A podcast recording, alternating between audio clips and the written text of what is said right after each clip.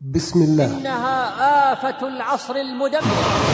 ما هو السر في وصف هذا العصر؟ لأنه عصر الهم والقلق والاكتئاب واقع بلغت. حالات الانتحار بسبب الهم والقلق الشديد. ما يزيد على ثمانمائة ألف شخص في العالم كل على كدر وأنت تريدها صفوا من الأقدار والأكدار خاص للإناث أن هذا الداء ينتشر بشكل عام. بين الإناث أكثر من انتشاره بين الذكور. بنسبة تصل إلى الضعف تقريبا؟ فقدان الوظيفة الحقيقية للمرأة. وتحميل ما لا تطيق. أعباء حياتية. أودت بها إلى ترك بيتها. ومكلف الأيام ضد طباعها متطلبا في الماء نار وللداء بداء يبدأ بقطع الصلة بين الشخص وبين الله سبحانه وتعالى. وينتهي به المطاف إلى الأرصفة والتدخين والمخدرات ثم الانتحار بعد ذلك والعياذ بالله. ومن أعرض عن ذكري فإن له معيشة ضنكا ونحشره يوم القيامة أعمى. قال رب لم حشرتني أعمى وقد كنت بصيرا قال كذلك أتتك آياتنا فنسيتها وكذلك اليوم تنسى ستضيق به الأرض بما رحبت. لن ينفعه أمواله. لن يحمل أصدقاؤه هذا الهم من قلبه وصدره. لن يخففوا عنه. لن تسعه أرضه وإن كثرت وامتدت. لماذا؟ وهو الشاب. لماذا؟ وهو الغني. كيف حدث له ضنك العيش هذا؟ الهم الهم والغم آهات والغم وأنات كدر وملل. تفجر وصخب. تعاسة وقلق. كره وبغضاء للنفس ومن بين حولها الإنسان فيها مخبرا. بين ترى الإنسان فيها مخبرا. ألفيته خبرا من الأخبار. وللهم وللهم أسباب. قلق كثير من الناس. وخواء قلوبهم. الإيمان بالله. وبقضائه وقدره. وفزعهم من المستقبل المجهول. والشعور بالوهن حمل المصائب وتحمل سبب كثرة الديون المالية. مع العجز عن إيفائها. هموم ففعلت ذلك. فأذهب الله همي وقضى عني ديني. لمن أراد الشفاء. ألا بذكر الله تطمئن القلوب. من لزم الاستغفار؟ جعل الله له من كل هم فرجا. ورزقه من حيث لا يحتسب. ارفع يديك إلى مولاك. كلما شعرت بضيق ارفع يديك وادع الله بما شئت. اسك بثك وحزنك إلى الله. اترك دموعك تسيل على خديك لتخرج ما في نفسك وصدرك. من ضيق وهم وألم. المنية في البرية جاري ما هذه الدنيا بدار قراري؟ الرباط للإنتاج الإعلامي والتوزيع. تقدم هموم. هموم لزمت هموم لزمتني. لفضيلة الشيخ. ناصر الأحمد. أنا لست إلا مؤمنا بالله في سري وجهري. أنا نبضة في صدر هذا الكون كيف يضيق صدري؟ أنا نطفة أصبحت إنسانا فكيف جهلت قدري؟ إن الحمد لله نحمده ونستعينه ونستغفره ونعوذ بالله تعالى من شرور أنفسنا ومن سيئات أعمالنا. من يهده الله فلا مضل له ومن يضلل فلا هادي له. وأشهد أن لا إله إلا الله وحده لا شريك له. وأشهد أن نبينا محمدا عبده ورسوله. يا أيها الذين آمنوا اتقوا الله حق تقاته ولا تموتن إلا وأنتم مسلمون.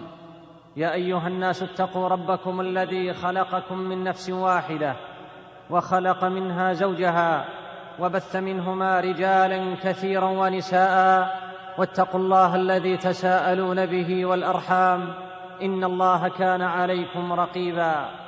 يا أيها الذين آمنوا اتقوا الله وقولوا قولا سديدا يصلح لكم أعمالكم ويغفر لكم ذنوبكم ومن يطع الله ورسوله فقد فاز فوزا عظيما.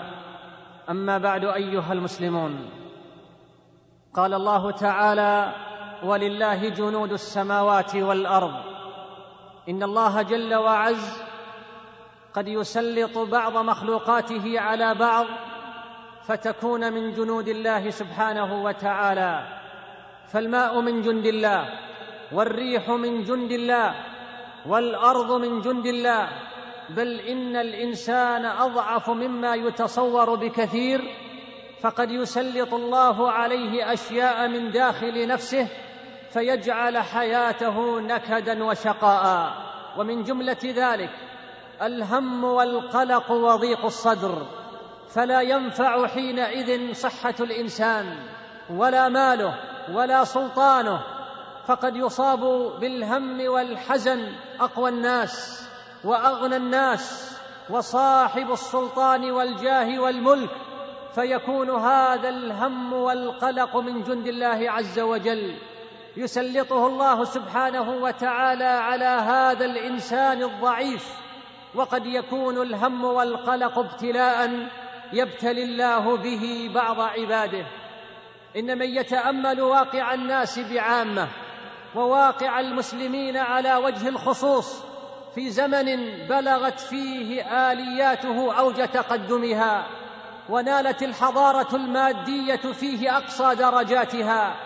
زمن هو غاية في السرعة المهولة سرعة اقتصادية وأخرى طبية وثالثة عسكرية ومعرفية إن من يتحسس هذا الواقع على وجه الإنصاف والوضوح يرى أمامه أن هذه المسارعة بقضها وقضيضها لم تكن كفيلة في إيجاد الإنسان الواعي الإنسان المدرك لحقيقة وجوده على هذه الأرض. ما هو السر في انتشار الجهل وتضلعه في عصر تقدمت فيه المعلومات وما هو سر شيوع الفقر والمسكنة في عصر الكنوز والغنى وما سر سيطرة البطالة في عصر الإنتاج والصناعة. وقولوا مثل ذلك متسائلين ما هو السر في وصف هذا العصر الذي نعيش فيه الآن على المستوى العالمي بأنه عصر الهم والقلق والاكتئاب وضيق الصدر. يعاني كثير من الناس من الهم والقلق. إنها آفة العصر المدمره أوسع الآفات النفسية انتشارا في العالم وأكثرها لدى الناس إلا ما شاء الله. إن المترقب لآخر الإحصائيات الصحية العالمية ليجد أن ما يقارب عشرة بالمئة من سكان العالم يعانون من آفة الهم والقلق بما في ذلكم بلاد المسلمين. وهذا يعني بداهة وجود مئات الملايين من البشر في معاناة مع هذا الواقع المرير.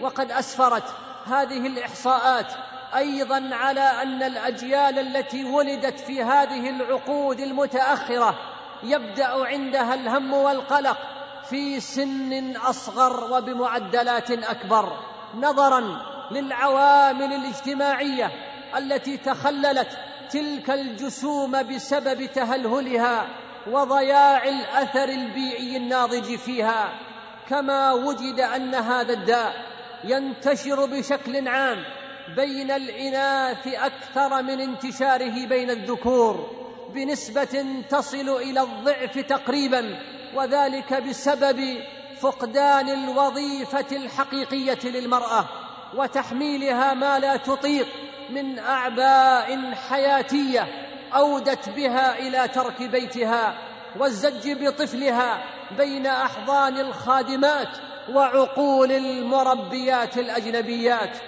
بل لقد بلغت حالات الانتحار بسبب الهم والقلق الشديد ما يزيد على ثمانمائة ألف شخص في العالم كل عام.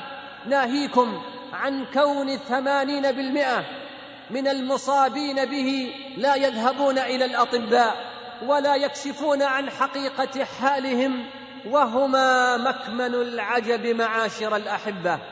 إن هذه الظاهرة ليست وليدة هذا العصر ولا هي من الأدواء التي لا يعرف لها ما يقاومها أو يزيل عمق وجودها في المجتمعات. كلا بل هي ظاهرة مرهونة بمدى انغماس الكثرة الكاثرة في متاع الحياة الدنيا وسيطرة النظرة المادية الصرفة. بل إن تفاوت المجتمعات في درجات هذه الظاهرة ليكمن في مدى إيمانها بالله. وملائكته وكتبه ورسله واليوم الآخر والقدر خيره وشره.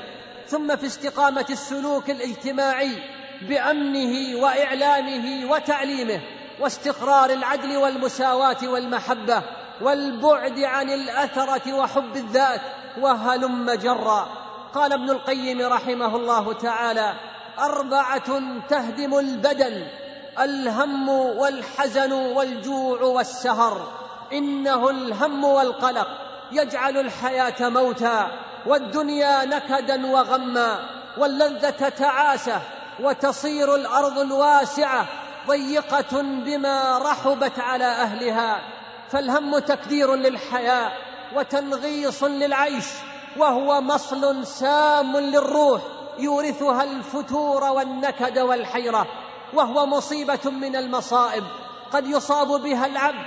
ولهذا يقول أهل الجنة إذا دخلوها الحمد لله الذي أذهب عنا الحزن. إن ربنا لغفور شكور. وقال النبي صلى الله عليه وسلم ما يصيب المؤمن من وصب ولا نصب ولا هم ولا حزن ولا أذى ولا غم حتى الشوكة يشاكها.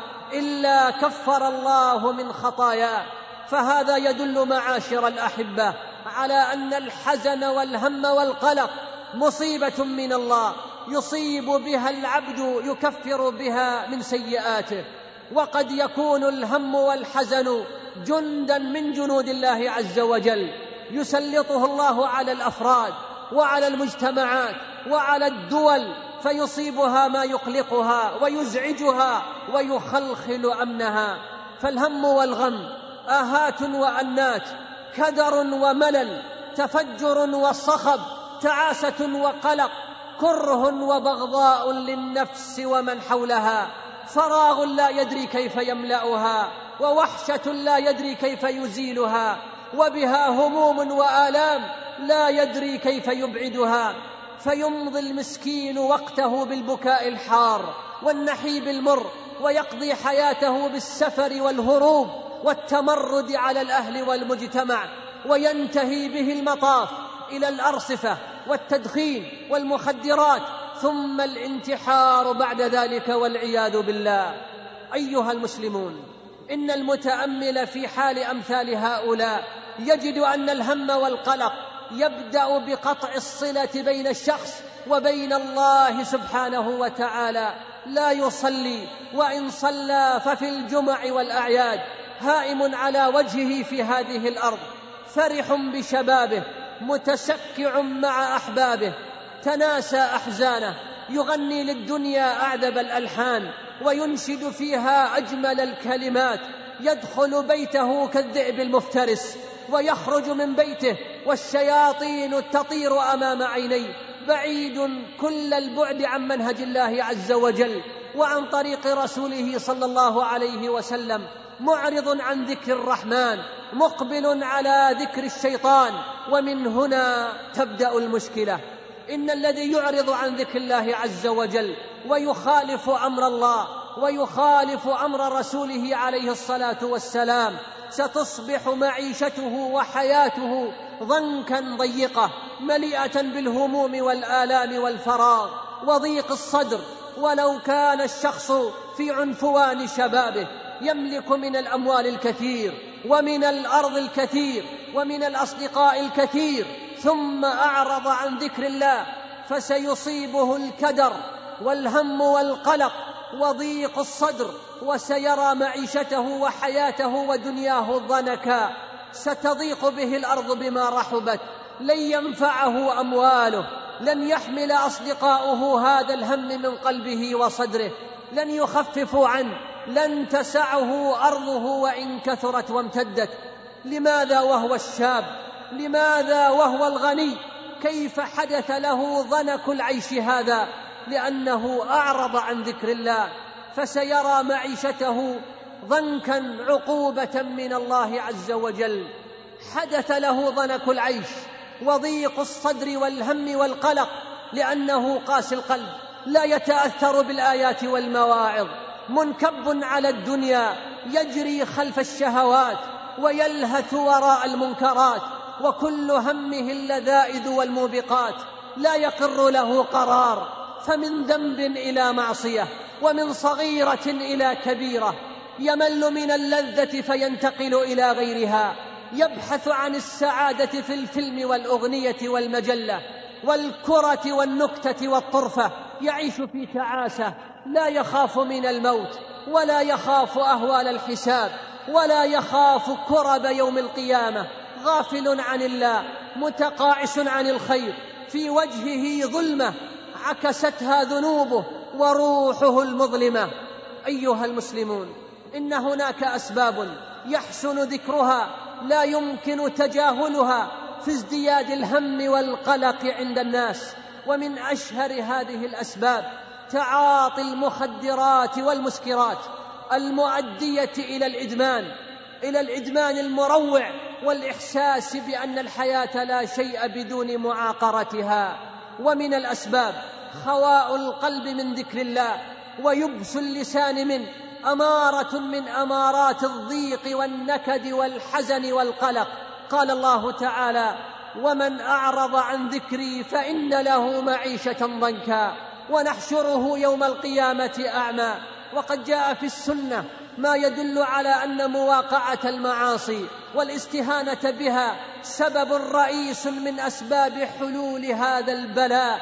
فقد قال النبي صلى الله عليه وسلم إذا كثرت ذنوب العبد ولم يكن له ما يكفرها من العمل ابتلاه الله عز وجل بالحزن ليكفرها عنه. رواه الإمام أحمد. ومن أسباب ذلك أيضا قلق كثير من الناس وخواء قلوبهم من الإيمان بالله وبقضائه وقدره وفزعهم من المستقبل المجهول والشعور بالوهن عن حمل المصائب وتحمل المشاق. فتجدون أمثال هؤلاء قوما يفرقون لو يجدون ملجأ أو مغارات أو مدخلا لولوا إليه وهم يجمحون. ومن الأسباب إجلاب الشيطان بخيله ورجله على ابن آدم فيوسوس إليه ليخنس ويقذف في قلبه الحزن والكآبة من خلال تشويشه بكم هائل من الأحلام والرؤى الشيطانية في المنام حتى تصبح في حياة الفرد هاجسا مقلقا عند كل غمضة عين ولذلك يصاب المكتئب بالأرق المزمن وقلة النوم. وقد صح عند مسلم أن النبي صلى الله عليه وسلم ذكر نوعا من الرؤى وهي التي تكون تحزينا من الشيطان يحزن بها ابن آدم. وسبب آخر من أسباب هذه الأزمة يبرز من خلال كثرة الديون المالية مع العجز عن إيفائها. روى أبو داود في سننه أن النبي صلى الله عليه وسلم دخل المسجد ذات يوم فإذا هو برجل من الأنصار يقال له أبو أمامة فقال النبي صلى الله عليه وسلم يا أبا أمامة ما لي أراك جالسا في المسجد في غير وقت الصلاة. قال هموم لزمتني وديون يا رسول الله. قال أفلا أعلمك كلاما؟ إذا قلته أذهب الله همك وقضى عنك دينك. قال بلى يا رسول الله. قال قل إذا أصبحت وإذا أمسيت. اللهم إني أعوذ بك من الهم والحزن وأعوذ بك من العجز والكسل وأعوذ بك من الجبن والبخل وأعوذ بك من غلبة الدين وقهر الرجال. قال أبو أمامة ففعلت ذلك فأذهب الله همي وقضى عني ديني. هذه بعض الأسباب وترى أيها المحب أن جماع هذه الأسباب هو البعد عن هداية الله والاستقامة على طريقه والتعلق بالأسباب الدنيوية بعيدا عن مسببها سبحانه. ومن تعلق شيئا فقد وكل إليه. ومن وكل إلى غير الله فقد وكل إلى ضيعة وخراب. فمن يرد الله أن يهديه يشرح صدره للإسلام. ومن يرد أن يضله يجعل صدره ضيقا حرجا كأنما يصعد في السماء. كذلك يجعل الله الرجس على الذين لا يؤمنون. كما أن الحقيقة التي لا مرية فيها أن الإنسان لا يستطيع لا يستطيع أن ينزع من حياته كل آثار الحزن والهم والقلق لأن الحياة خلقت هكذا. قال الله تعالى لقد خلقنا الإنسان في كبد. وقال عز وجل إنا خلقنا الإنسان من نطفة أمشاج نبتليه فجعلناه سميعا بصيرا. حكم المنية في البرية جاري. ما هذه الدنيا بدار قرار؟ بين ترى الإنسان فيها مخبرا. ألفيته خبرا من الأخبار. طبعت على كدر وأنت تريدها. صفوا من الاقذار والأكدار ومكلف الأيام ضد طباعها متقلب في الماء جدوة نار. ولكن من رحمة الله عز وجل أن جعل الإنسان قادرا على أن يخفف من حزنه وهمه وغمه وقلقه. فلا سعادة للقلب ولا لذة ولا نعيم ولا صلاح إلا بأن يكون الله هو إلهه وفاطره وحده وأن يكون معبوده وغاية مطلوبه وأحب إليه من كل ما سواه فيحقق قول الله تعالى إياك نعبد وإياك نستعين ليكون من المؤمنين. الذين قال الله عنهم الذين آمنوا وتطمئن قلوبهم بذكر الله. ألا بذكر الله تطمئن القلوب؟ وقال تعالى ألا إن أولياء الله لا خوف عليهم ولا هم يحزنون.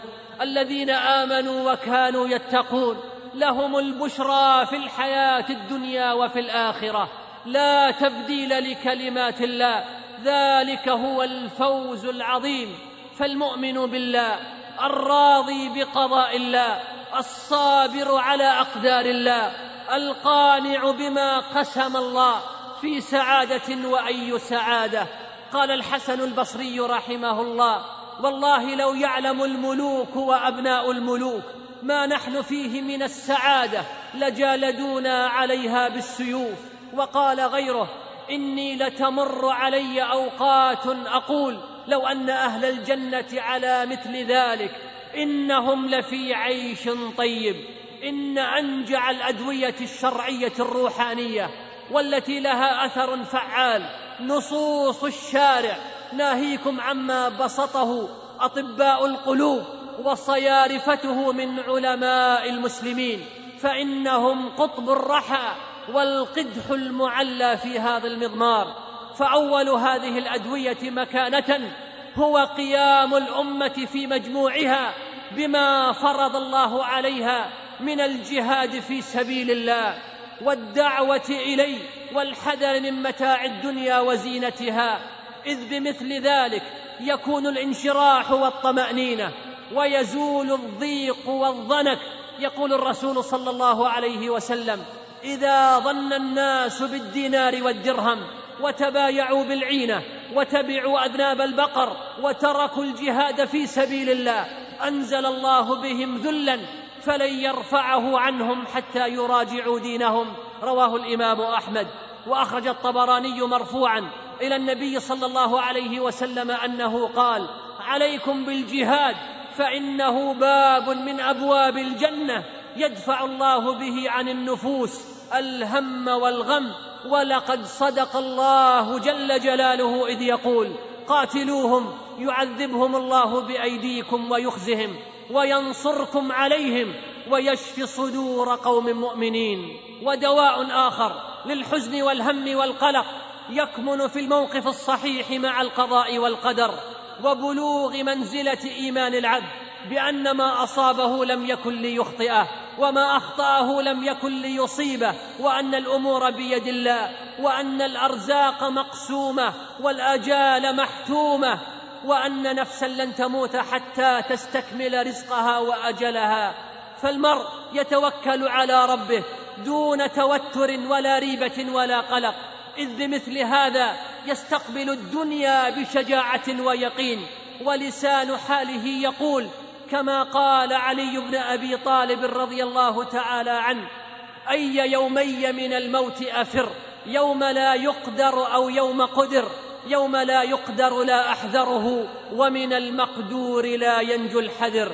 ومن الأدوية أيضا تحقيق الرضا عن الله سبحانه وتعالى. إذ هو المحك أمام العبد. فمن قل رضاه عن الله صار مرتعا للأوهام والأحزان والأدواء. وقد سئل الحسن البصري رحمه الله من أين اتي هذا الخلق؟ فقال من قلة الرضا عن الله. ولذلك دعا به زكريا لولده فقال واجعله رب رضيا والرضا عن الله لا يكون إلا باستحضار العبد لحكمة الله في الأقدار وأنه لا يعطي ولا يمنع إلا لحكمة بالغة مما يهون على المرء ما يلاقيه من المصائب والأقدار المؤلمة بل حتى في حال الفرح كما قال سليمان عليه السلام هذا من فضل ربي ليبلوني أأشكر أم أكفر. ومن الأدوية أيضا كثرة التسبيح والسجود والعبادة عملا بقول الله تعالى ولقد نعلم أنك يضيق صدرك بما يقولون. فسبح بحمد ربك وكن من الساجدين. واعبد ربك حتى يأتيك اليقين. وقد كان صلى الله عليه وسلم إذا حزبه أمر فزع إلى الصلاة. وكان يقول صلوات الله وسلامه عليه من لزم الاستغفار جعل الله له من كل هم فرجا ورزقه من حيث لا يحتسب. ومن الأدوية ذكر الله على كل حال وتعلق القلب به في كل حين بذكر الله تدفع الآفات وتكشف الكربات وتغفر الخطيئات وبذكر الله تطمئن القلوب الخائفة.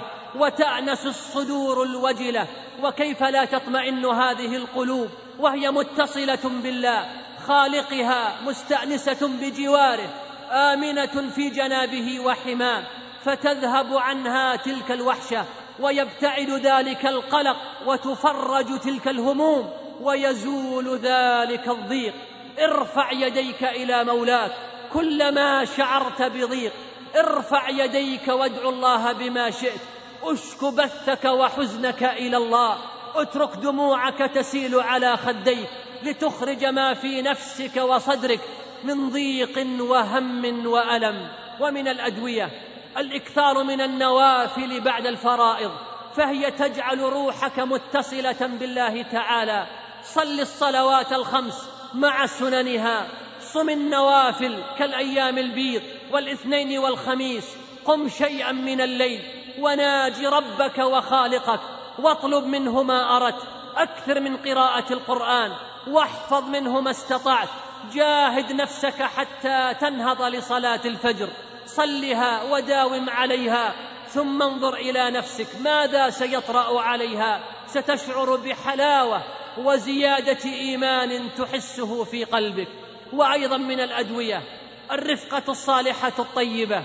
الذين يسيرون على منهج الله وسنة رسول الله صلى الله عليه وسلم. اترك رفقاء السوء ابتعد عنهم ولا تقترب منهم وعش مع هذه الرفقة الصالحة. ستشعر بطعم الحياة حقا وتحس بحلاوة الإيمان صدقا. عش معهم ثم انظر إلى نفسك بعد فترة. تجدها قد اتسعت بعد الضيق تجدها قد استقرت بعدما كانت تصعد في السماء تجدها قد غسلت تماما. عندها ستجد للطاعة لذة وللحياة هدفا.